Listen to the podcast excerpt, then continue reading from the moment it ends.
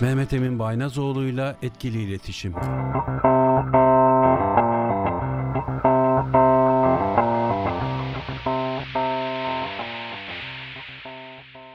Trakya Üniversitesi Radyosu, Radyo Güne Bakan'da Mehmet Emin Baynazoğlu'yla etkili iletişim programı ile tekrar karşınızdayız. Bugün hem değerli hocam doktor öğretim üyesi Mehmet Emin Baynazoğlu stüdyomuzda hem de çok değerli bir konuğumuz daha var hocamız. Profesör Doktor Ahmet Atakişi. Hoş geldiniz hocam. Hoş bulduk. Çok teşekkür ediyorum nazik davetleriniz için. Rica ederiz. Biz teşekkür ederiz geldiğiniz için. Ahmet hocamız Keşan Yusuf Çapraz Uygulamalı Bilimler Meslek Yüksekokulu Müdürü. Ama yani yüksek okulu. Yüksek okulu. 4 yıllık bir okuluz. Evet. 4 yıl mesleğe hazırladıktan sonra öğrencilerimizi hı hı. E, mezun ediyoruz ve ne bir güzel. lisans mezunu olarak da görev alıyorlar. Peki. Bugün birlikte aile ekonomisi ve tüketim alışkanlıkları üzerine bir konuşma yapacağız. Evet. Ve bu konuyu detaylandıracağız. Peki ben sözü önce Mehmet hocama bırakayım. Tamam. Ve Mehmet Emin hocam bu konuyla ilgili genel bir çerçeveyi çizsin. Ondan sonra biz detaylara devam edelim. Devam edelim. Evet, öncelikle hocamıza çok teşekkür ediyorum ben de. Sizin gibi Keşan Yusuf Çapraz Uygulama Bilimler Yüksekokulu Müdürü Profesör Doktor Ahmet Atakişi benim de çalıştığım birimin müdürü ve daha önceden de bizim tanışıklığımız var kendisiyle. Son derece etkili verimli sohbetlerimiz oluyor birlikte olduğumuz dönemlerde ve daha önce konuşmalarımız esnasında ortaya çıkan bir konu aslında bu.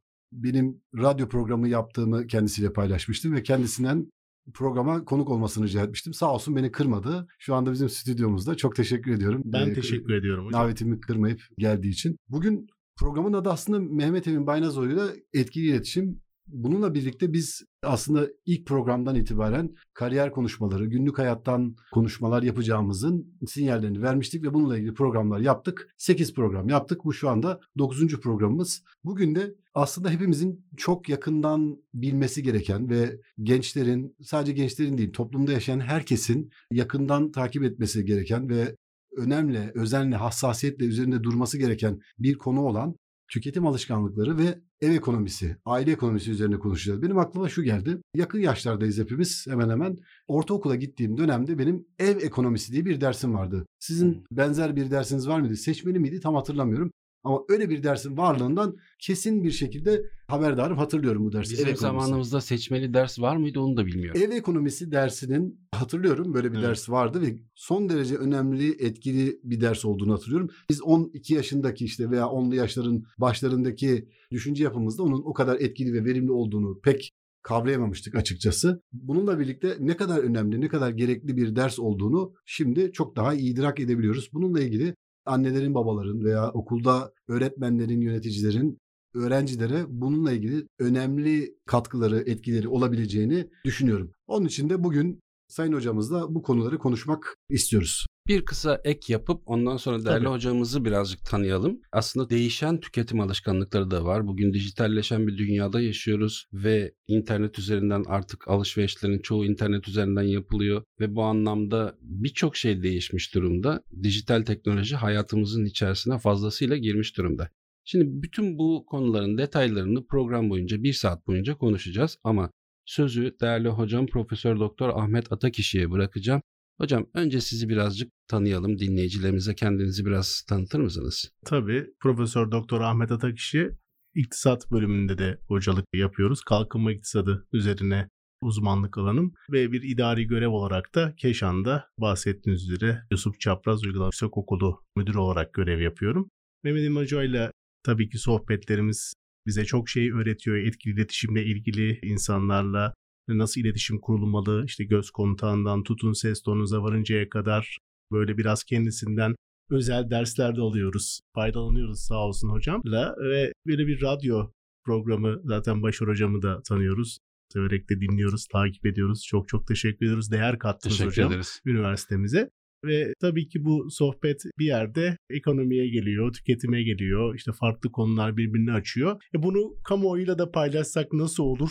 Birlikte böyle bir sohbet edebilir miyiz edasında bir gelişme oldu ve ben de buna tabii ki davete seve seve icabet ettim. Yani biraz heyecanım var. Sürçülisan edersek affola. Bence gayet iyi, gayet iyi hocam. Gayet iyisiniz. Ve tabii ki hani Mehmet Emin hocam bir pas attı. İşte aldığımız eğitimler gençliğimizden, çocukluğumuzdan itibaren aslında biz tasarrufu aslında tasarrufun önemini e, bilerek büyütülen bir nesiliz takdir edersiniz ki hepimiz aynı aşağı yukarı yaş grubundayız ve hatırlarsanız biz sokaklarda büyüdük. Yani gelir grubu ne olursa olsun, aile eğitim durumu ne olursa olsun bir salça ekmekle bütün evet. bir günü salça bulamayan işte Doğru. sana yağ, şekerli yağ şeyle enerjiyi toplayıp sokaklarda oynayan, iletişim kuran, çamurlarla şeylerden kilden e, heykelcikler evet. yapan bir nesildik. Öyle legolar e, işte elektrikli arabalar şunlar bunlar yoktu biliyorsunuz ve tabii ki de bilgisayar yoktu. E, ve e, oyuncak bebekler Almanya'dan gelirdi. Almanya'dan falan. gelirdi işte evet. o zaman evet. İşte büyüklerimiz göç e, oraya gidip işçi olarak çalışmaya gidenlerin getirdiği hediyeler olurdu. Doğru. Böyle kamyonculuk, tırcılık yapan tanıdıklarımız varsa onlar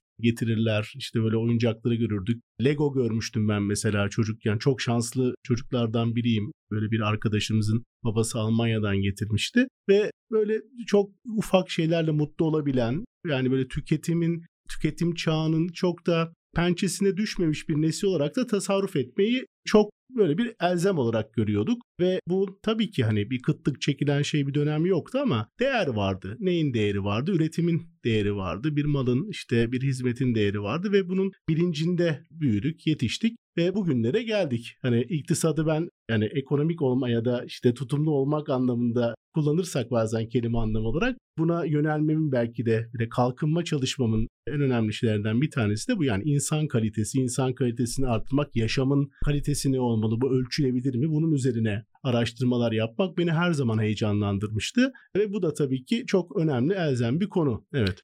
Hocam tasarruf demişken tam da yerine denk geldiği için evet. benim çok sevgili amcam Musa Tırnaz avukattır kendisi.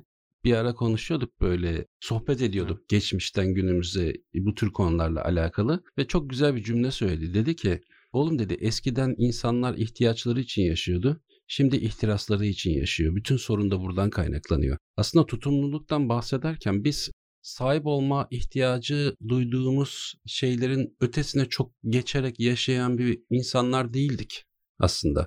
İşte orta evet. halli bir esnaf, belki bir evi, belki varsa bir arabası ama evinde yemeği daha kaliteli bir şekilde yemek yiyen falan işte ayakkabı altı topu eridiği zaman işte oraya bir perçin e, radyo çakılan, dinleyen, radyo dinleyen bir iki bir kanal gören. nesildi. Yani evet. biz ihtiyaçlarımız hani tasarruftan bahsederken cidden şu anda bütün ya hayatımızın içerisinde sadece ihtiyaçlarımız için mi mücadele veriyoruz? Birazcık o ihtiyaçlardan ihtiraslara doğru döndüğü için işte küreselleşen dünyada evet. internet, farklı teknoloji, dijital teknoloji gibi şeylerle birlikte politikalar bir sürü şey bizi aslında daha fazla reklamlarda 90'lardan sonraki özel evet. radyo televizyon yayınları ile birlikte bugün baktığınızda çocuk kanallarında bile reklamlar görüyorsunuz. Uyaranlar Yetişkin, var evet. Hatta yetişkinler için yayınlanması gereken reklamları bile çocuk çocuk kanallarında görebiliyorsunuz. Marka bilinci var. Yani evet. marka bilinci, evet. marka giyme bilinci bir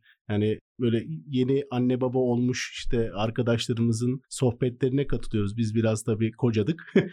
Çocuklar büyüdü. Ama böyle markayı takip eden 2-3 yaşında çocukların işte iPad'le, evet. işte telefonla ne yaparsanız yapın bununla büyüyorlar. Bununla sessiz ve sakin çocuklar olabiliyorlar. Çocuklar da çok hareketli. Yani vitaminle ve işte anne beslenmesine falan çok daha dikkat edilen bir süreçteyiz. Özellikle 2000'li yıllardan sonra gebeliklere baktığınız zaman anneler hep takipte. Yani Hı-hı. bu işte hani hem hastaneler hem diğer işte sağlık ocakları olsun e, vitaminler ve diğer şeylerle anneler destekleniyorlar folik e, asit hepimizin bütçesinde bir yere sahipti o evet. çocukları büyütürken Doğru. ve çocuklar da çok hareketli ve ellerine hani bir teknolojik alet verdiğinizde de bunu kullanır. Ama bizim nesil şunu çok net gördü. Yani değişimi, dönüşümü, dijital dönüşümü, işte internetin gelişini, üniversite yıllarındaydık biz o zaman. İki bilgisayarımız vardı İstanbul Üniversitesi'nde. Bir Mac, bir de IBM. Hı-hı. Windows 95 yeni böyle gelmişti. Böyle bir Hı-hı. devrim yaratmıştı falan. Sonra internet gelmişti. Böyle dur dur ses çıkaran e, modemleri hepimiz hatırlıyoruzdur. Ve inanılmaz bir şekilde dijitalleşen, birbiriyle iletişen bir dünyayla karşı karşıyayız ve bir mal ya da hizmet ya da bir e, yenilik dediğimizde hemen saniyeler içerisinde ne yapabiliyor? Tüm dünyaya yayılabiliyor. E, ben öğrenciliğimde kütüphanede de işte çalışıyordum. O zaman işte kütüphanede hocalarımıza destek veriyorduk. İşte İngilizce biliyordum. İşte orada makaleleri falan özetlerini ayırt ediyordum. Bibliografyaların yazılmasına yardımcı oluyordum ve hani bir öğretim üyesi makaleye ulaşma için günlerini harcıyordu. Şimdi bir tıkla masa üstünüze indirdiniz makaleleri görebiliyorsunuz. Binlercesini okuyabiliyorsunuz. Tabii işiniz biraz daha çoğalıyor ama bu anlamda teknoloji sizi bir anlamda hem uyarıyor hem de birçok bilgiye, belgeye, mal ve hizmete ne yapabiliyorsunuz? Çok hızlı bir şekilde ulaşabiliyorsunuz. Bu hız da tabii ki biraz bütçeleri de ne yapmaya başlıyor? Zorlamaya başlıyor. İthal bağımlılığı gibi bir takım işte sıkıntılar olabiliyor. İşte ithal ikamecilik gibi işte politikalar terk edildikten sonra biraz üretim üzerinde bir takım gedikleriniz olduğu zaman da ithalat artıyor. Böyle olduğu zaman da işte ne yazık ki işte kurlar ve diğer sıkıntılar etkilendiği zaman bütçelerimiz de ne yazık ki bu anlamda biraz yoruluyor. Evet. Ama temelde konuştuğumuz şey az önce söylediğinizin üzerinde tüketim üretimi, alışkanlıkları tabii. ciddi anlamda değişmiş durumda. Çok değerli hocam rahmetli kendisini saygı ve rahmetle analım. Ara ara ben e, e, Ünsal Oskay hocamız Marmara Üniversitesi'nden, İletişim Fakültesinden. Onun bize yıllar önce sorduğu bir soru vardı ve ilginç bir soruydu. Demişti ki Dionysos bahar ayinlerinde kara yılanın ortaya çıkışı ve ilkel zamandaki ritüellerle kutsanması olayını anlatınız. Bunun kola reklamları ile ilişkisini irdeleyiniz. Bu reklamcıların bir aptallığı mıdır? Evet diyorsanız neden? Hayır diyorsanız neden? neden? Şimdi aslında o dönemdeki o Dionysos bahar ayinleri evet. aslında karayalanın ortaya çıkışı işte yılanların kış uykusuna yatması ve ortaya çıkışı aslında baharın gelişinin bir simgesidir. Hatırlarsanız aynı kuşağın insanları olduğumuz için eskiden kola, dondurma, mayo gibi reklamlar hep bahar ayıyla birlikte başlardı Tabii. ve sonrasında yaz, yaz dönemi devam ederdi. Soğuk içiniz üstünde soğuk içiniz yazılan içecekler kışın içilmezdi çünkü onlar soğuktu. Şimdi bakıyoruz yazın tüketildiğine inandığımız şeyler ki bu reklamcıların bir aptallığı mı diye sormuş evet. ya. Enis Hoca evet aslında reklamcıların bir aptallığıdır. Çünkü istedikten sonra bunu bugün nasıl satıyorlarsa uzunca yıllardır o dönemde öyle değildi. Evet. Ve şimdi biz tüketim alışkanlıklarımız işte kışın yenmez içilmez denilen şeyleri de yiyip içip tüketir hale geldik. Teknolojinin değişimi dönüşümü inanılmaz bir etki Uyaran yaratmış durumda. Yani, yani sorun sadece bizde değil yani biz evet ama Kışın bizi de aklınıza dondurma o düşüyor. Evet. yani böyle bir hiç e, durup dururken bir jingle ya da bir radyoda Reklamlar. E, reklamlardan ya da internette YouTube videosu açtığınızdaki aradaki bir reklam size kış dondurması gibi bir şeyi hemen o anda pazarlayabiliyor. Sıcak dondurma diye bir şey çıktı mesela Sıcak, bizim zamanımızda yoktu. helvası için insanların canı da çekecek ama yani evet. Böyle enteresan tabii buluşlar da oldu. Yani bu tabii ki yani üretimden tüketime varıncaya kadar birçok aslında şey değişti zaman içerisinde. Hatta bunu bazı işte toplantılarda ya da şeyde dile getiriyoruz. Böyle çok nasıl diyelim sanayi toplumuyla beraber işte hızlı beslenme kültürü bir anlamda geldi. Bir de bu kadar artan nüfusu biz buna işte Thomas Malthus, Malthusian tuzak deriz. Yani nüfus geometrik bir ortalamayla artar diyor Malthus. Yani bu da işte 1, 2, 4, işte 8, 16, 32 diye gidiyor. Ama gıda, beslenme olanakları aritmetik artar diyor. Yani 1, 2, 3, 4, 5 bir noktadan sonra ne yapacak? Hani bu nüfusu besleyecek bir gıdadan bahsedemiyoruz. Aslında üretim ekonomisi de çok basit. Yani tamamen bir tane buğday yetiştirdiğimizi düşünelim. Diğer değişkenler sabit. Ceteris paribus deriz buna. Hani buğdayı işte yetiştirdik. En sonunda dönem sonunda başak verdi. İçinde 12 tane daha buğday çıktı. Hepsini yedik. Ne ekeceğiz? ne ekersen onu biçersin. Bir tanesini tasarruf ettiğimizi varsayarsak işte o üretim devam ediyor. Ama nüfus artıyor. Modeli biraz geliştirdiğimizde iki tane tasarruf edersek bu kez 24 tane ne oluyor? Tohumumuz oluyor. Yani tasarruf aslında hani o gelirden ya da işte üretim sonrası gelirden elde edilenlerle birlikte ne yapılıyor? Ee, üretime tekrar dönüşüyor. Bunu atıl bırakmıyor kimse anlayışı var. Ve tabii bu nüfus artışı ve teknolojinin gelişmesi tüketim toplumlarının hızlı bir şekilde dünyada yayılmasıyla beraber özellikle Soğuk Savaş sonrası dönemini hatırlarsanız hep beraber yaşadık o dönemleri. Ciddi bir tüketim artışı oldu ama üretim ve bunun işte beslendiği o kapitalist üretim anlayışı buna çok yetişemedi. Borçlar çok hızlı bir şekilde 80'li yıllarda neredeyse yok gibiydi borçsuz ülke. 90'lara 91'lere geldiğimizde 2000'lere geldiğimizde evet yani IMF'nin birçok ülke kapısını çalmaya başladı ve Türkiye'de bunlardan biri, Yunanistan'da bunlardan biri işte aynı coğrafya ülkeler olarak ele alırsak ve bu noktada işte tasarruf açıklarının yarattığı işte bu üretim açığını bir şekilde kapamaya çalıştık. Ama ne üreteceğiz noktasında işte bu da önemli bir problemlerden bir tanesi. Genellikle iktisadı tanımlarken işte kıtlık problemi deriz. Yani tüketim ve işte diğer üretim şeylerinden inceleme yaptığımız zaman bu bir aslında nedir? İşte kıt kaynaklarda sonsuz gereksinimleri nasıl karşılayacağını inceleyen bilim dalı diye böyle bir hiçbir zaman sevdiğine kavuşamayacak bir Mecnun, bir Romeo gibi, bir Juliet gibi hani e, ne yapıyorsunuz? Hiçbir zaman işte sonsuzlukla kıtlığı bir araya getiremediğiniz için böyle bir problematikle karşılaşıyorsunuz. Ama sorunu böyle değil de iktisadı bir bölüşüm problemi ya da ne üreteceğiz, nasıl üreteceğiz gibi daha somuta indirgediğiniz zaman işte o zaman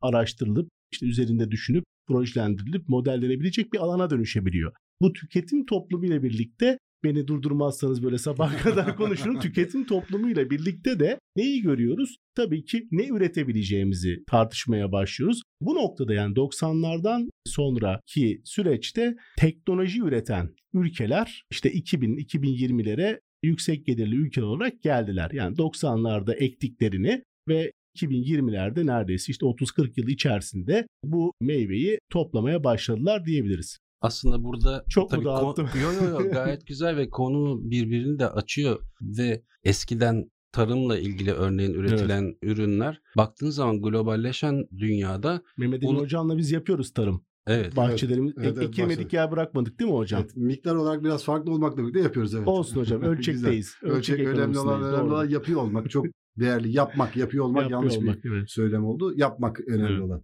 ürettiğiniz bir tarım ürününün de bir ekonomik değeri var. Kesinlikle. Ve globalleşen bir dünya üzerinde baktığınız zaman aslında metalaşan bir tarım ürününe dönüyor. Yani sadece kendi ülken için yeterli olan değil de değişim değeri olan başka evet. ülkelere gönderilip orada bizde olmayan şeylerin alınması için de belki değiş tokuş ya da ihtiyaçlar ve tamam birazcık ekonomik düzleme daha çok yaklaştı diye düşünüyorum. Eskiden ihtiyaca göreyken şu anda daha ekonomik bir sistematik içerisinde ilerlediği evet. kanaatindeyim. Bütün tarımla ilgili örneğin Aslında her üretim gamında bu oldu. Yani araba, evet, otomobilden evet, tutun evet. hani bisiklete Aha. varıncaya kadar her üretim alanında bu işte küreselleşme dediğimiz olguyla Hı-hı. beraber bir anda milyarlarca müşteri. Tabii küreselleşmeden evet. kastederken yani pazarların açılması, şey evet, ulaşım, ulaşımın kolaylaşması, yer yani. değiştirmesi kolay, evet. üretim yerlerinin içine kayması. Evet. Yani bu da çok ciddi işte maliyet evet. düşüşlerine yol açtı. Yani bir işte iPhone hep örnek gösteriliyor biliyorsunuz ve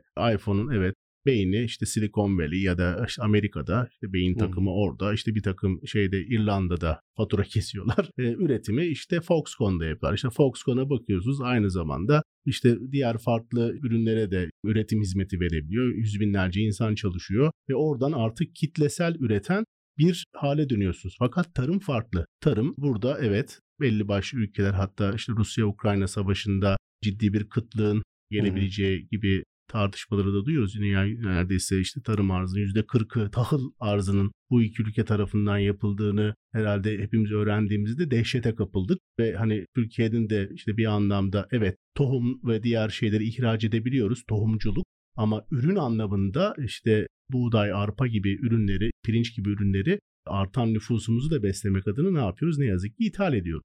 Ve durum böyle olduğunda da herhangi bir işte küresel problem yaşandığında evet telefonsuz yaşayabiliriz ama ekmeksiz yaşayamıyoruz. Yani böyle evet. bir durum söz konusu ve şu an işte ben e, bütün bölgeyi de geziyorum. Mehmet Emin Hocam'la da Hı. geziyoruz ekilmedik yer yok ne mutlu ki. İyi ki. İyi ki ekiliyor her taraf ve hani bu yağmurlarla ve şeylerle beraber çiftçinin gözü havadadır. Mutlular. Evet. Biraz evet. mutlular ama biraz işte maliyetler arttı. Bunun üzerine bir takım çekinceleri var ama bunu da dedim ki hani dayanışarak çözeceğiz. yeter ki yeter ki üretelim üstesinden Üretim gelelim. çok önemli. Aynı zamanda lokomotiftir e, tabii evet, ki. Evet, tüketim tüketim de son derece önemli. Evet. Hocam e, şimdi bu küreselleşen dünyadan evet. ve diğer konulardan konuşmaya devam edeceğiz ama ben sözü e, yine Mehmet Emin hocama bırakmak istiyorum.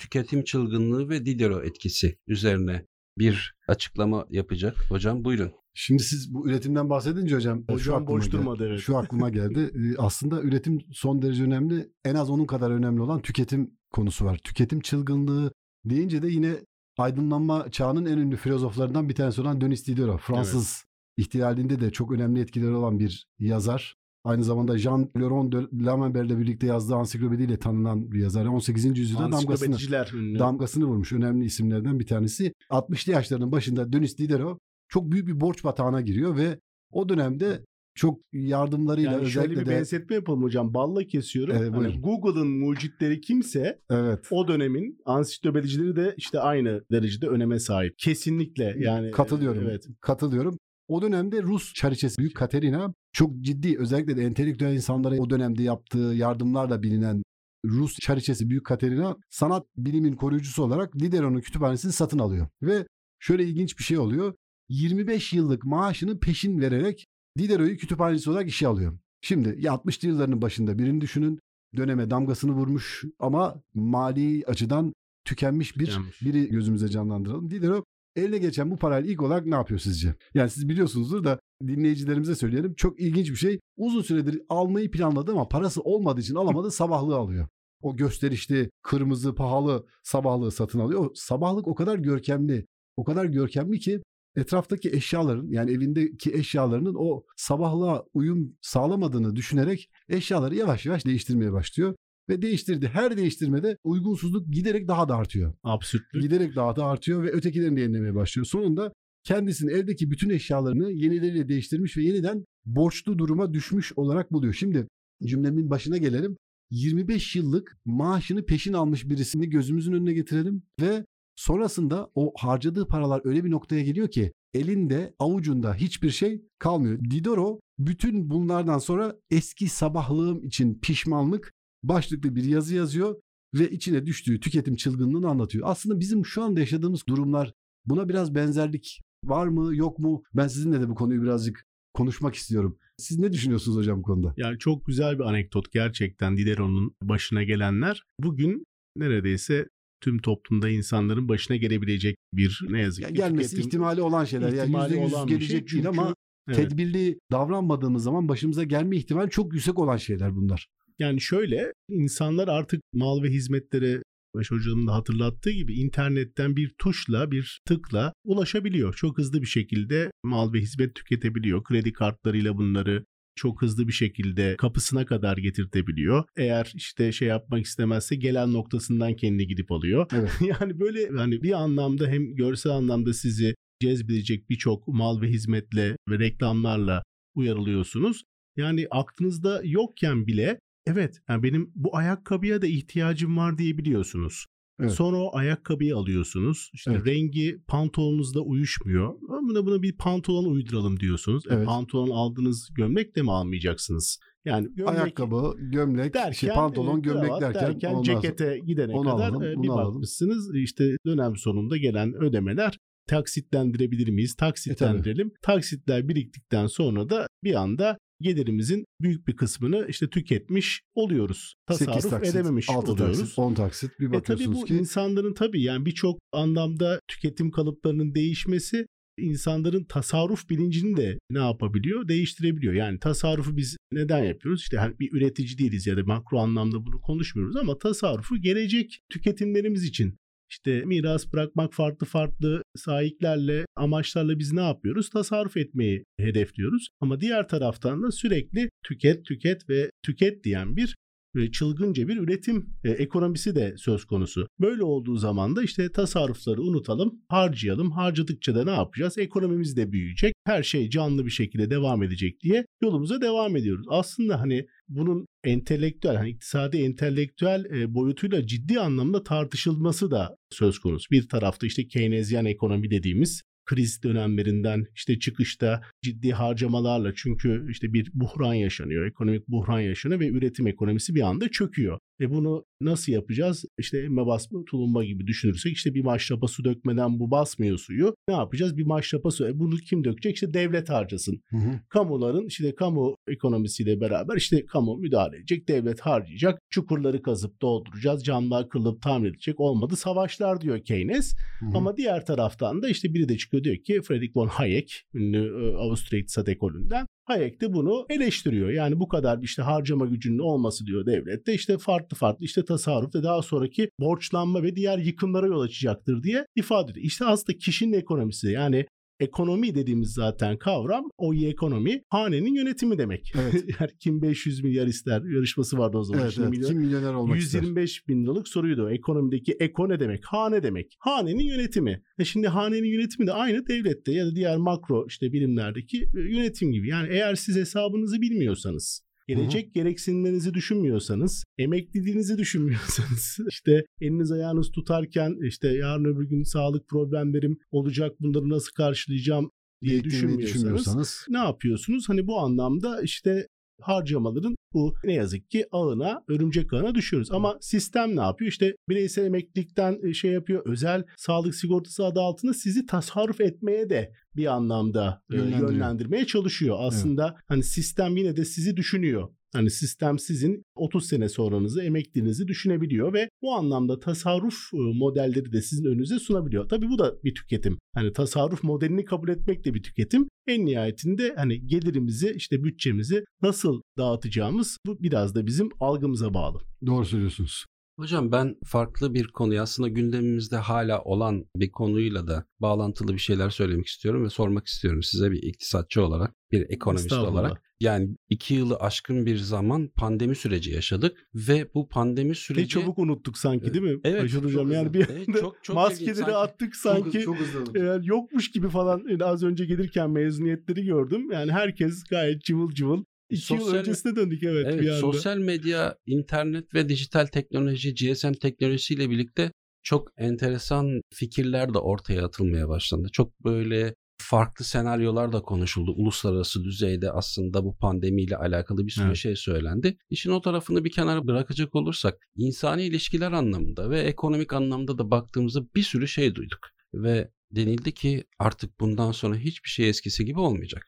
Ben bu kısmına katılıyorum. Evet hiçbir şey eskisi gibi olma ihtimali zaten yok. Yani bu kadar uzun süreli bir pandemi yaşandığı zaman birçok şey değişiyor. Sadece ekonomi değil, ilişkilerde başka diğer değişkenlerde, iletişimde değişiyor. Çocukların hayata bakış Hayata açısı ciddi anlamda değişti. Ama şu vardı mesela. Bundan sonra herkes pandemiden dolayı kendini sorgulayacak ve insanlar daha iyi insanlar haline gelecek gibi bana göre çok ütopik, çok ayakları yere basmayan şeyler vardı ki ben çok öyle olduğunu düşünmüyorum. Yani insan ilişkilerinin daha hayatı herkesin sorgulayacağını ve daha ılımlı, daha olumlu, işte daha egoist yaşayan insanların aslında daha iyi iletişim kurarak ya iyi ilişkiler, Paylaşımcı belki de. paylaşımcı olabileceğine dair böyle bir öngörüler vardı. Ben şahsen hiç bunlara katılmadım hiçbir zaman. Öyle bir şeyin olma. Tam tersine o kapalılık döneminde egosunu tatmin edemeyenlerin dışarı çıktığında çok daha fazlasını yapma ihtimallerinin olduğuna hep inandım. Harcama etkisinin son noktası. Şimdi o kısmına-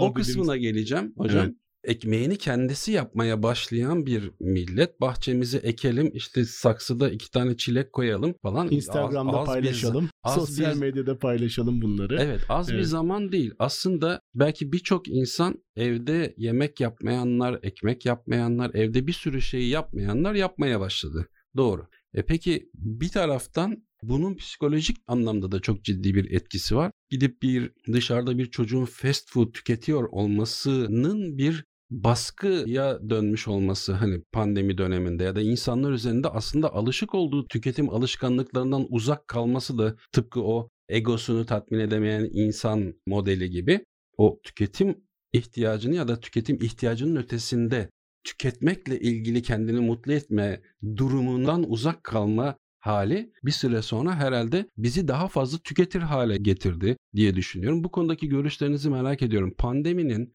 dönemi ve sonrasındaki tüketimin değişimi, dönüşümü, bir tüketim patlaması yaşandı mı mesela? Yaşanıyor mu hala? Ve şunu da gördüm. Yani pandemi bu işin bahanesi miydi bilmiyorum. Şeytanın avukatlığını yapmak gibi bir durumdan gözden bakacak olursak inanılmaz şekilde şu anda baktığınızda internet üzerinden alışverişin ki 2000'li yılların başında internet teknolojisinin gelişmesiyle birlikte sürekli aslında Katlanarak tüketim hızlandı. Evet. hızlandı ama pandemi sonrasında sanki böyle inanılmaz bir şekilde internet üzerinden alışverişin ciddi anlamda tüketicilere fazlasıyla gözüne sokulduğunu reklamlarla buradan alın bu şekilde yap her şeyi online üzerinden tüketebilir satın alabilir Evet. hale geldik. Piyasa biraz değişti. Sokaktaki alışverişten çok her ne kadar sokağa çıkamadıysak da nedense güvenli bir ortam olarak bize şu anda internet alışverişinin Hatta isim vermeyeceğim tabii ki reklama girmesin diye ama geçmişte var olan birçok farklı satış türlerinin ya da Evet. birçok farklı ürün türünün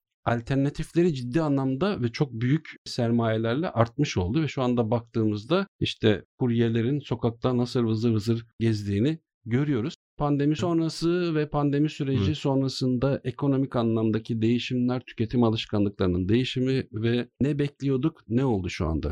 Şimdi hemen e, hocam cevap vermeden önce ben bir ekleme yapayım Başar hocamın söylediklerine. Çok doğru şeyler söyledi. O noktaya geldi ki artık internet üzerinden otomobil bile satın alabilir pozisyona geldi. Hatta bir konut bile satın alabilir. Yani bu noktaya gelmiş durumda bu tüketim çılgınlığı diyelim veya internet üzerinden yapılan alışverişler diyelim. Ondan sonra sözü hocama bırakalım. Tabii pandemi dediğimiz bu işte Çin'in Wuhan kentinde başlayan hatta biz Yaşan Yusuf Çapraz hocalarımız işte Sade hocamızın da Sade Uzunoğlu Profesör Doktor benim de hocam. Ona da buradan hürmetlerimi saygılarımı arz ediyorum. Onun da bir bölüm yazdı. Bir kitap projemiz de vardı Covid süreciyle ilgili. Farklı farklı disiplinler Covid süreci ve sonrasında olabileceklerle ilgili bir takım bölümlerini paylaştı hocalarımız. Umuyorum yakında o da yayına çıkacak diye umut ediyorum. Şimdi tabii pandemi konusunu işte aramızda hocalarımızla da tartışırken ya da işte çevrede arkadaşlarımızla da konuşurken işte büyük reset diye bir söylem ortaya kondu. Yani bir anda dünya durdu. Uçaklar uçmaz, üretim bantları yürümez oldu. Tedarik zinciri bir anda durdu ve büyük bir reset, bir durgunluk sürecine tüm dünya girdi.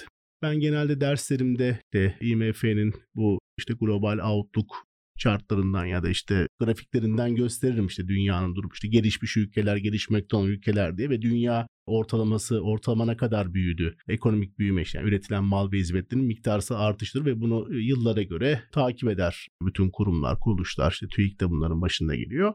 IMF işte dünya chartına yani böyle grafiklerine baktığınız zaman bir 2008-2009 krizini görüyorsunuz. Ondan çok daha derinde işte bu pandemi sürecini görüyorsunuz ve sonrasında 2020 ile beraber yukarı doğru böyle bir roket gibi fırlayan bir büyüme. Şimdi bu tabii ki neden kaynaklandı?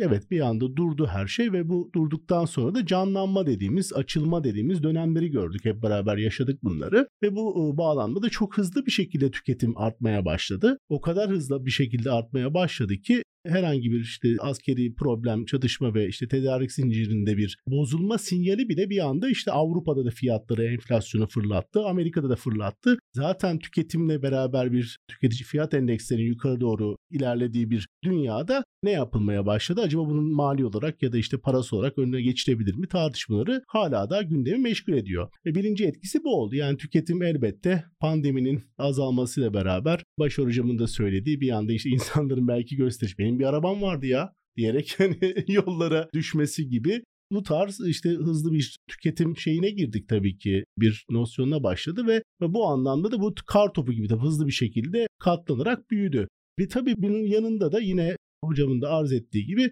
tüketim kalıpları değişti. İşte evden çalışan insanlar, evde yemek yiyen insanlar, evinden çıkmayan insanlar bir anda sokağa çıkmaya başladılar. Sokağa çıkmaya başlayınca insanlar işte yeni restoranlar açılmaya başladı, yeni yerler açılmaya başladı, elemanlar alınmaya başladı. Biraz böyle bir canlılık da geldi. Bu gelir etkisi de yarattı elbette. Geliri bulan yine harcamalarını arttırdı. Böyle bir talep enflasyonu dediğimiz hani maliyet yanında elbette işte bir takım maliyetler de artıyor ama her ülke için bu geçerli talep enflasyonuyla da karşılaştık. E bu da bir canlılık getirdi. Yani üretimde bir artış getirdi. Acaba dedik hani bunun etkilerini bir anda sileceğiz mi? Pandeminin hatta unutacağız mı gibi bir beklenti de oluştu. Ama diğer yanda da tabii aşırı üretim ya da işte dünyanın tartıştığı degrowth dedikleri yani tamam büyüyoruz şey yapıyoruz ama acaba çok mu büyüdük? Yani Mehmet Emin hocamla konuşuyorduk yani ülkemizde 100 milyon ekmek yapılıyor neredeyse her gün ve bunun 10 milyonu ne yazık ki israf ediliyor. Yani işte acaba biz fazla mı üretiyoruz? Biraz işte planlı üretim aman planlı üretim falan demeyelim farklı yerlere açıyoruz kapıyı gibi işte serbest piyasa ama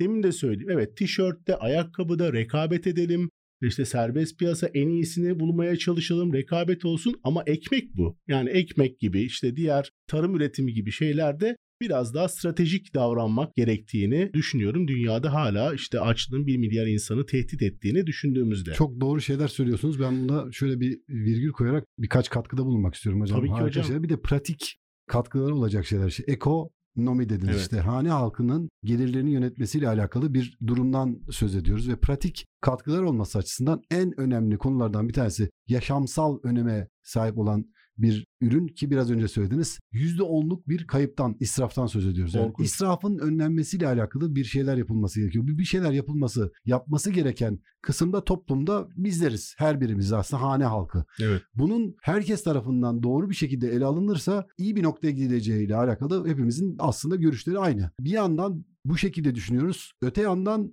bu konuda çok fazla üzerinde durmuyoruz. Şimdi mesela Evet E, benim şarkı- içimi acıtan da hocam balla kesiyorum. Yani askıda ekmek gibi işte askıda fatura gibi uygulamaların uygulamaları işte ülkede birbirimize destek olduğumuz o dönemlerde insanlar gelirlerini kaybettiler çünkü. Dükkanlarını kaybettiler, kapandı evet, falan. evet. Yani bunları yapabilen bir toplum bence şeyin önüne geçebilir. Bunun ölçü- önüne geçebilir. Yani İsrafında. Evet söylemle eylem aynı olması gerekiyor. İşte bunu Evet, böyle evet. yapıyoruz demekle değil bunu yapmakla ancak bunun gerçekleşebileceğini düşünüyorum. Bu çok önemli bir konu. Bunun üzerinde çok hassasiyetle durmak gerekiyor. İşte bunu Bir de şarkılar... bunu Y ve Z kuşaklarına anlatmamız Çok- gerekiyor. çok Ee, önemli. Öğretmemiz gerekiyor. Tasarrufu Yani her mesela anlamda. bu işte ekmek örneğinden yola çıkacak olursak ki en hayati, en önemli konu esasında burada üzerinde durulması gereken konulardan bir tanesi. Bu şarkılara, şiirlere konu olmuş bir aslında bir şey vardır. Mesela tirit diye bir şey vardır Anadolu'da muhtemelen duymuşsunuzdur. Tiridine bandım diye mesela şarkı vardır. O şarkının içindeki tirit ekmeğin kalan ekmeklerin Evet. kurutularak işte üzerine işte soslar, çorbalar vesaire dökülerek tasarruf edilmesi tekrar yani bir şekilde sizin hane halkının ekonomisine katkı sağlanması amacıyla kullanılan önemli şeyler bunlar. Tirit- Bunu kaç kişi biliyor veya kaç kişi uyguluyor? Bu bunun üzerinden mesela gitmek lazım diye. Ya Tiritle ilgili bir anekdot var onu anlatmak istiyorum. Dönemin padişahı Girit 24 yıl biliyorsunuz kuşatma altında kalınıyor ve Siz de Girit'te bir eğitim almıştım. almıştınız Ee, onu bir türlü bir türlü Girit alınamıyor. Hünkâr da diyor ki yani ben Girit kelimesini duymak dahi istemiyorum. Kimse karşıma gelmesin. Ama fethediliyor. E nasıl söyleyeceğiz? Aşçıya gidiyorlar. Diyorlar ki yani Hünkâr Tirit yemeğini sever. Bunu sen söyleyeceksin diyorlar aşçı başına. Aşçı başı diyor bugün ne, ne yemek var? O da diyor işte tirdi tirit alındı girit hünkârım diyor.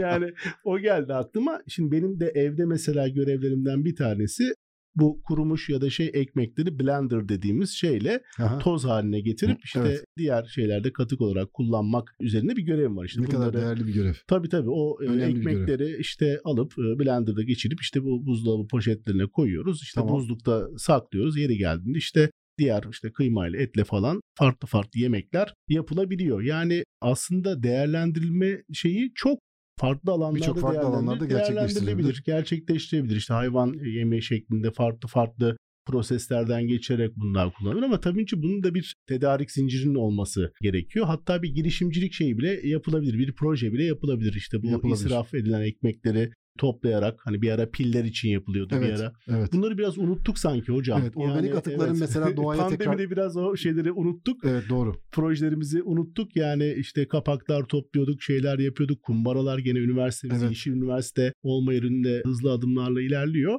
Yani bu şekilde hani projelerle, bölgesel projelerle de bu boş yere işte israf edilen İsraf edilen şeylerin tamamen önüne geçilebilir. Çok Evet. doğru şeyler söylüyorsunuz. Mesela organik- balık Evet. balık organik gübreler yapılıyor. İşte Evet. balık tüketilemiyor biliyorsunuz ve çöp olacağını hemen organik gübre şeklinde bir sera ziyaretinde mesela evet, gördüm evet, bunu ve doğru. balık gübresi şeklinde kullanıyorlar ve öyle bir şeyde bir kokusu yok yani hani sizi canınız sıkacak bir şey de değil. Doğru. Evet. Ben o kadar güzel karşılıklı konuşuyorsunuz. Atışmaya ama biz sazı dedim. aldık hocam elimize. Evet.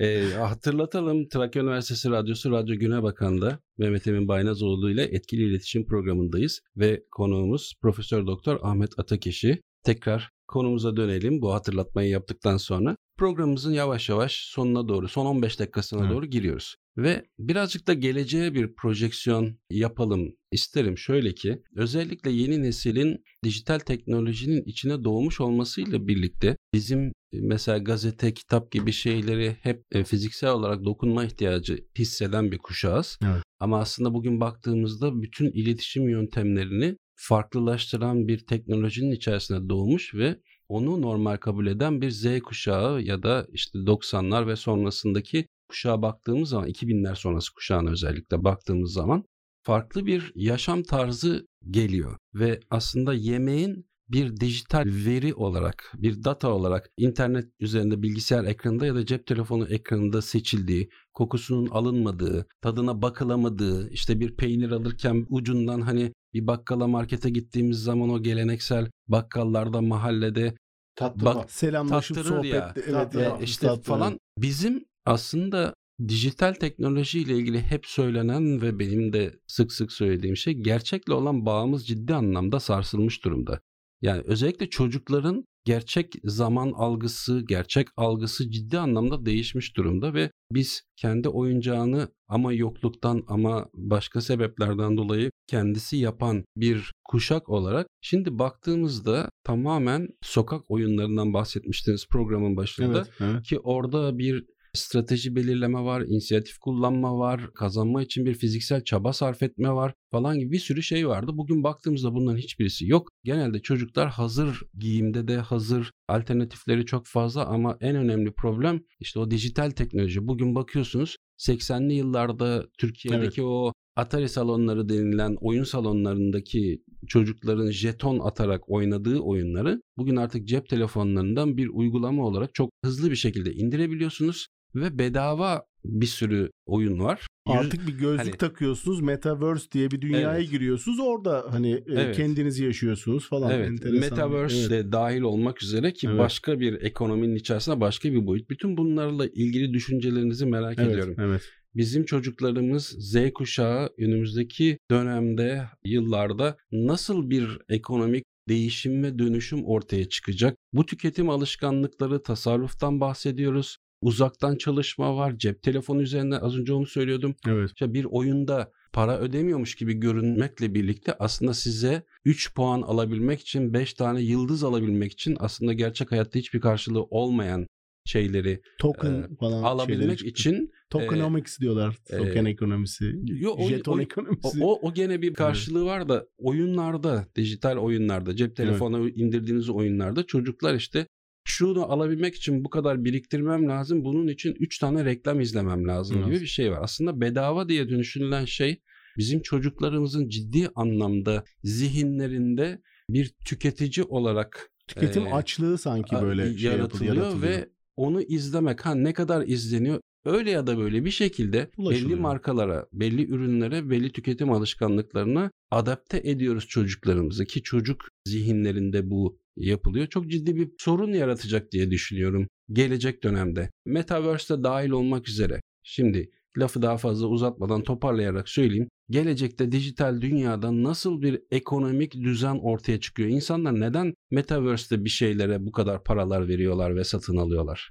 Bu tabii ki Başar Hocam. Yani geleceği öngörebilmek bu anlamda tabii dijitalleşeceğini az çok kestirebilmek çok da zor olmasa gerek. Yani dünya artık dijital bir dünyaya dönüşüyor. Metaverse gibi işte farklı farklı görsel, işitsel şeyleri uyaranlarla insanları tüketime yönlendiren bir piyasa ekonomisiyle hızlı bir şekilde bir dönüşüm yaşıyor dünya. Dijitalleşiyor. Dijital paralar geldi, işte tokenlar geldi. Bunların işte tekrar tamam hani dolar ve diğer para birimleriyle ölçüldüğünü görüyoruz ama insanlar bunların kendi arasında trade'ini yapıyor, yatırımlarını yapıyor, piyasalarını oluşturmuş. Hatta mal ve hizmet alımı, hatta ücret alıyorlar. Maaşlar bu şekilde ödeniyor. Böyle bir dünyaya doğru çok hızlı bir şekilde evrildik. Bu pandemi süreciyle insanların evlerde olması, işte bir anda işte dijital iletişimi ve diğer birçok işte madencilik dedikleri o unsurların hızlı bir şekilde gelişmesine neden oldu. Tabii ki gençlerin bu anlamda işte tüketim toplumunda yer edinebilme için de e, bir gelire ihtiyacı var. Elbette bu gençler de ne yapacaklar? Çalışmak zorunda ve gelirler ortaya çıkmak zorunda olacak. Yeni yeni işler türeyeceğini göreceğiz. Yani yeni farklı işte uzmanlık alanlarının ortaya çıktığını göreceğiz bu süreçte. Üniversiteler, üniversitelere burada çok önemli görevler düşüyor. Hatta biz de senatomuzda işte Sayın Rektörümüz burada saygıyla anıyorum Erhan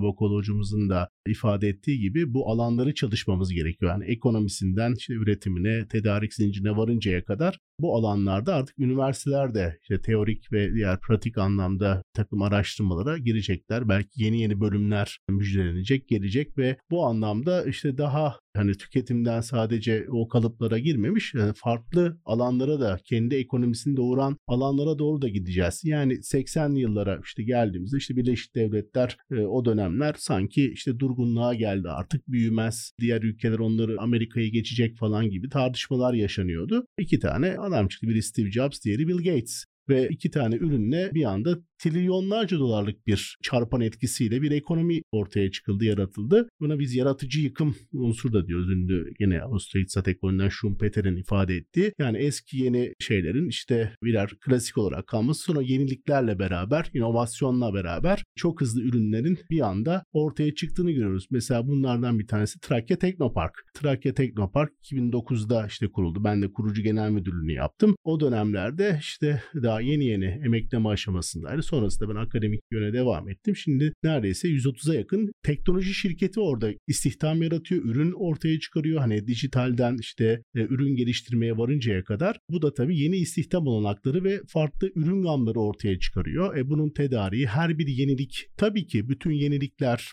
önümüze gelecek diye bir şey yok ama bir iki işte alınan patentle ya da ürünle ne yapabiliyorsunuz? Küresel ölçekte bunu pazarlayabilen işte Türkiye'den Tayvan'a işte ne bileyim Japonya'ya mal satabilir bir konuma çok hızlı gelebiliyorsunuz. Böyle bir dünyadayız. Yeter ki iyi fikirler olsun. Peki hocam bu kadar dijitalleşme, internet üzerine bağlı bu kadar ekonomik anlamda evet çok ciddi rakamlardan milyarlarca dolarlık bütçelerden bahsediyoruz. Savaşların nedenlerine baktığımız zaman dünyada birçok sebebi olabilir ama temelde baktığınız zaman ekonomik sebeplerin çok daha ağır bastığını görüyoruz. Evet. E, şimdi bu ekonomik düzen içerisinde daha yıkıcı eylemlerin çok rahatlıkla ekonomilerin daha fazla gelecekte internet ve dijital teknoloji üzerine kurulduğunu düşünürsek aslında dijital savaşların da ülkelerin ekonomilerini çökertmek için ya da onlara zarar vermek için bu tür saldırıların da gelecekte olabileceğini düşünürsek eğer Belki ki de oluyor da yani mutlaka evet. oluyordur.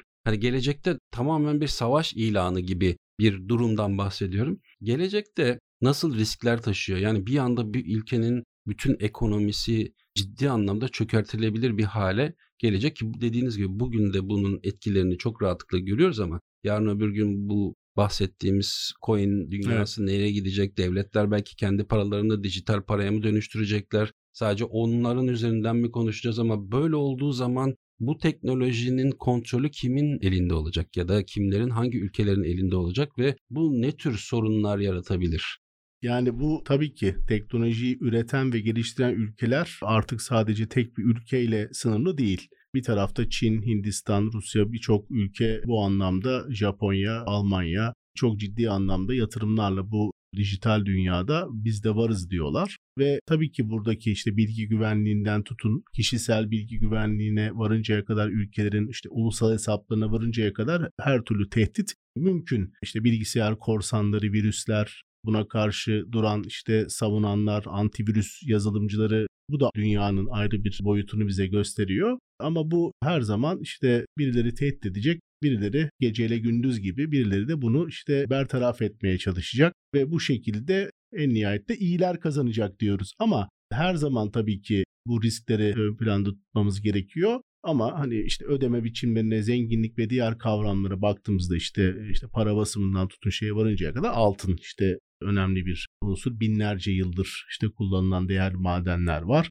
Bunun yerini işte bu dijital paralar alabilir mi? Bir değer olabilir mi? İşte bu da gerçekten cevaplanması gereken sorulardan bir tanesi ve merak uyandırıyor. Ve bu güvenle alakalı bir şey. İşte televizyon dizilerinde şurada burada işlenen hani siz buna güveniyorsanız mal ve hizmetinizi bununla değiş tokuş etmeye hazırsanız ne yapacaksınız? Bu paraları kabul edeceksiniz ama bunun da güvenliği dediğiniz gibi işte bir cüzdanla işte milyarlarca doları çıkarabildiğiniz bir dünyada bunun güvenliği, takibi, vergilendirmesi gibi konular. Çünkü kamu yararını da düşünmek gerekiyor. Hepimiz bir devletler çatısı altında yaşayan bireyleriz ve devletler de diyorlar ki ben bunu vergilendirmezsem kullanımına da izin vermem. Ama bu değişecek, dönüşecek. Çünkü nerelerden nerelere geldi dünya. Bunun da işte bir yolu, bir işte yöntemi bulunacaktır diye düşünüyorum. Ben bu anlamda hani pesimist değilim. Biraz optimistim ve biraz daha iyimser bakıyorum. Çok hızlı bir şekilde değişecek ve bu yeni nesiller de çok hızlı bir şekilde buna adapte olacak. Biz de adapte olmak zorunda kalacağız gibi hissediyorum. Evet programımıza Profesör Doktor Ahmet Atakişi konuk oldu. Bugün 80'li yıllardan hatta 70'li Başladık. yıllardan başladık. O dönemdeki gençlerin, çocukların neler yaptığı, neler yaşadıkları ile ilgili konuştuk. Günümüzde neler oluyor? İnternetin sık kullanımıyla ilgilinden şekillenen alışveriş ve tüketim alışkanlıklarıyla ilgili konuştuk ve bunlara değinmeye çalıştık. Bu önemli konulardı. Bunların aslında devamının da bence tek programı yeteceğini çok düşünmüyorum. Çok konu kaldı hocam. Haftalarda bence Olur. bir devamını beraber, e, tabii. eğer siz yine Şeref duyarım her çok zaman. büyük bir memnuniyetle sizi tekrar burada ağırlamak isteriz. Bence Başar yapabilirsek hocamızın Başar katkıları hocam- son derece Evet, önemli yani bizim Başar hocamı tabii ki. Keşan'da da hani ağırlamak isteriz her zaman. Evet biz daha önceden bunu birkaç kez yapmıştık bu teklifi. Evet. Tekrar edelim burada tabii. Bütün dinleyicilerimizin huzurunda tekrar bir Huzurunda. kez daha tekrar edelim. Kayda gitsin hocam. Şimdi dinleyicilerimiz diyecek ki bu kadar davet edildi gitmek mi istemiyor acaba? Öyle bir şey yok. Ben seve seve tabii ki Trakya Üniversitesi'nin her birimi hepimizin. Radyoda bütün üniversitenin radyosu ve dolayısıyla amacımız burada nasıl ki bu radyoda Evet. herkese kapımız açık. Üniversitenin her birimi de bizim için çok değerli ve seve seve tabii ki gelirim ilk fırsatta mutlaka Keşan'a Hocam bunu hemen geleceğim. fırsata çeviririz. Halkla ilişkiler ve reklamcılık bölümümüz de var biliyorsunuz. Evet. Burada radyonuzda da misafir etmiştiniz. Bir konuşmayla da taçlandırırsak çok memnun oluruz. öğrencilerimize, Bunu da sözünü çocuklarımıza- almış olalım. Tabii Aslında- öğrencilerimize, çocuklarımıza katkı sağlayabilecek, deneyimlerimizi aktarabilecek bir ortam olduktan sonra Mükemmel bunu olur. radyodan ya da okul ortamında, sınıfta her yerde her zaman vermeye hazırız. Büyük bir memnuniyetle bence çok Onur gayet duyarız. de iyi olur. Bu öğrencilerin özellikle final dönemi bitmeden böyle bir organizasyon veyahut da hemen arkasında akabinde böyle bir şey Ya yapabiliriz. da yeni dönemde Veya e, yeni dönemde de olabilir. ikinci sınıflarda geldiğinde Çok büyük bir memnuniyetle Başar hocamızı Keşan'ın ünlü değerleriyle herkes tarafından tanınan değerleriyle orada ağırlamak isteriz. satır et gibi. Değerleriyle derken yani burada lezzetleriyle diyelim. Tabii yanlış yanlış oldu. Lezzetleriyle ağırlamak isteriz orada. Satır et, ciğer, Ciğer sarmamız sarma var. vesaire gibi çok ünlü dillere destan olmuş lezzetlerimiz var. Valla Keşan deyince benim ilk aklıma Burak Hoca geliyor. Tüketim demişken de siz davet ettikten sonra tabii ki bu güzel lezzetleri tatmak isterim ben de. Evet. Neden olmasın? Peki artık programımızın sonuna geldik. Bence çok keyifli, faydalı olduğuna inandığım bir program oldu. Devamını da yapacağız önümüzdeki hafta o zaman. Bu programın devamını yapalım ve bu keyifli sohbeti devam ettirelim. Sözünü almış olalım hocadan. Evet Ahmet Hoca da seve seve gelirim Seve seve gelirim her zaman. Peki Trakya Üniversitesi Keşan Yusuf Çapraz Uygulamalı Bilimler Yüksekokulu Müdürü Profesör Doktor Ahmet Atakişi vermiş olduğunuz değerli bilgiler için çok teşekkür ediyoruz. Ben çok teşekkür çok keyifli, ediyorum. bilgilendirici, akıcı bir sohbet Bir oldu. mukabele aynı şekilde. Çok mutlu oldum. Yine doktor öğretim üyesi Mehmet Emin Baynazoğlu programın sahibi kendisi. Ona da çok teşekkür ediyoruz. Ben de bir iletişimci olarak aslında sizin birikiminizi birleştiren bir çimento işlevi görmeye çalıştım öyle söyleyeyim. Çok teşekkür ederim. Mehmet Emin Hocam son olarak eklemek istediğiniz bir şey var mı?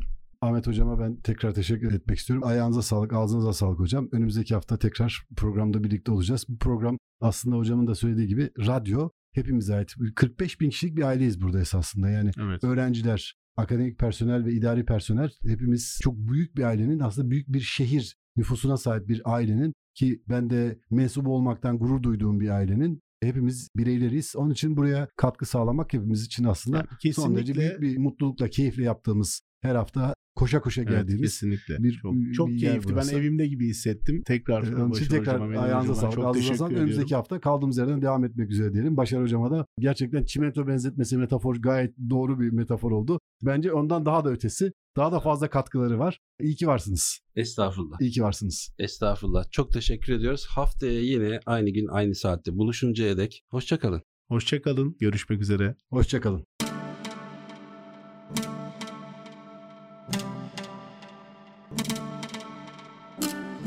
Mehmet Emin Baynazoğlu'yla etkili iletişim.